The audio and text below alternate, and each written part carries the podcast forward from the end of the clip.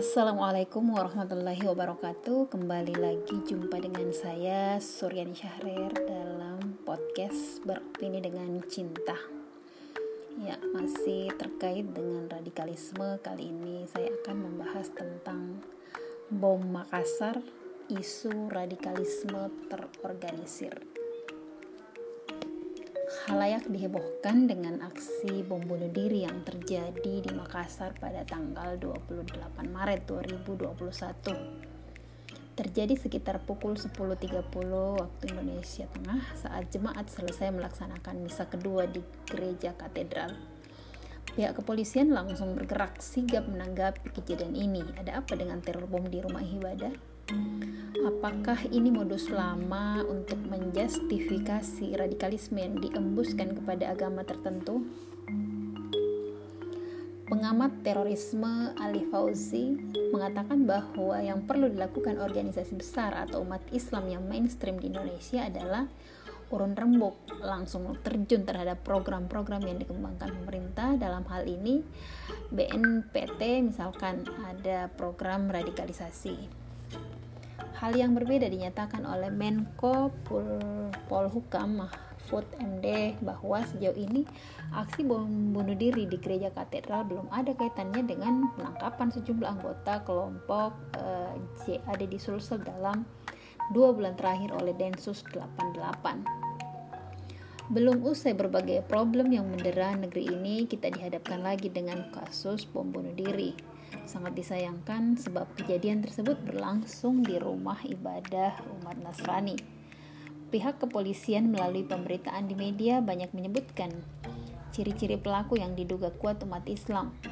Laki-laki bersorban, wanita bercadar, atau foto berkerudung adalah gambaran bahwa pelaku mengarah ke salah satu agama tertentu yakni agama mayoritas di negeri ini. Framing negatif yang sudah lama disemat ke umat Islam dalam rangka menciptakan Islamofobia di tengah-tengah masyarakat adalah lagu lama yang sering dimunculkan ketika negeri dalam kondisi terpuruk. Modus ini sering kali terjadi dengan pola yang sama, bahkan masyarakat awam pun sangat mudah membaca ke mana ke mana arah goal setting peristiwa ini. Toh selama ini aksi teror dengan beragam peristiwa akhirnya kandas tak berujung. Pengalihan isu-isu besar adalah salah satu hal yang sering dikaitkan oleh banyak pihak selain program moderasi beragama yang lagi masif. Berbagai upaya dilakukan pihak tertentu untuk menanamkan Islamofobia di tubuh umat, bukan saja di negeri ini, namun juga terjadi di belahan bumi lainnya. Baru-baru ini penghinaan terhadap Rasulullah Shallallahu Alaihi Wasallam terjadi di Inggris oleh seorang guru. Tentu hal ini membuat geram warga Muslim di mana pun berada cap Islam radikal yang sudah disematkan bagi mereka yang teguh dengan ajaran Islam tidak pernah padam. Berbagai program kemudian dirancang untuk membendung geliat umat yang makin hari makin bergejolak. Tambahan lagi bahwasanya para, para kapitalis tidak ingin terhalang demi mendapatkan tujuannya yakni menjarah negeri-negeri kaya. Kesadaran umat akan adanya sistem pengelolaan yang tidak sesuai aturannya menyebabkan munculnya sikap kritik.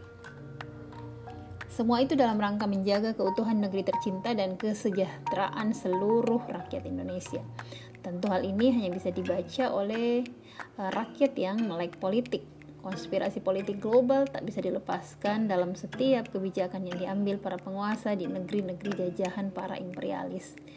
Demi melancarkan agendanya, diciptakanlah narasi-narasi jahat seperti war on radikalisme yang terus diembuskan ke negeri-negeri muslim. Perlu disadari bahwa narasi radikalisme yang terus digaungkan akibat diterapkannya sistem sekuler kapitalis. Sistem yang menegasikan peran sang pencipta dalam aturan berkehidupan. Agama hanya sebatas ibadah ritual semata. Selanjutnya perkara ekonomi, pendidikan, politik, dan yang lainnya menggunakan aturan buatan manusia yang sangat lemah dan terbatas. Rawan penyimpangan dan kecurangan karena syarat dengan kepentingan. Islam sangat tegas terkait perkara bunuh diri dan membunuh atau menghilangkan nyawa orang lain. Bahkan dikatakan sebagai dosa besar. Berkebalikan dengan alasan orang melakukan aksi tersebut yakni dalam rangka berjihad sebagaimana diberitakan di banyak media. Sungguh suatu pemahaman yang keliru dan sesat.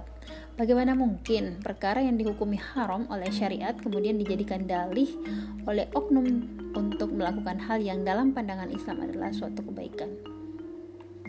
Menurut para ulama, bunuh diri termasuk dosa besar sebagaimana dalam Quran surah An-Nisa ayat 29 yang artinya dan janganlah kamu membunuh dirimu sesungguhnya Allah adalah maha penyayang kepadamu Begitupun membunuh manusia dengan tanpa alasan yang dibenarkan syariat merupakan dosa besar.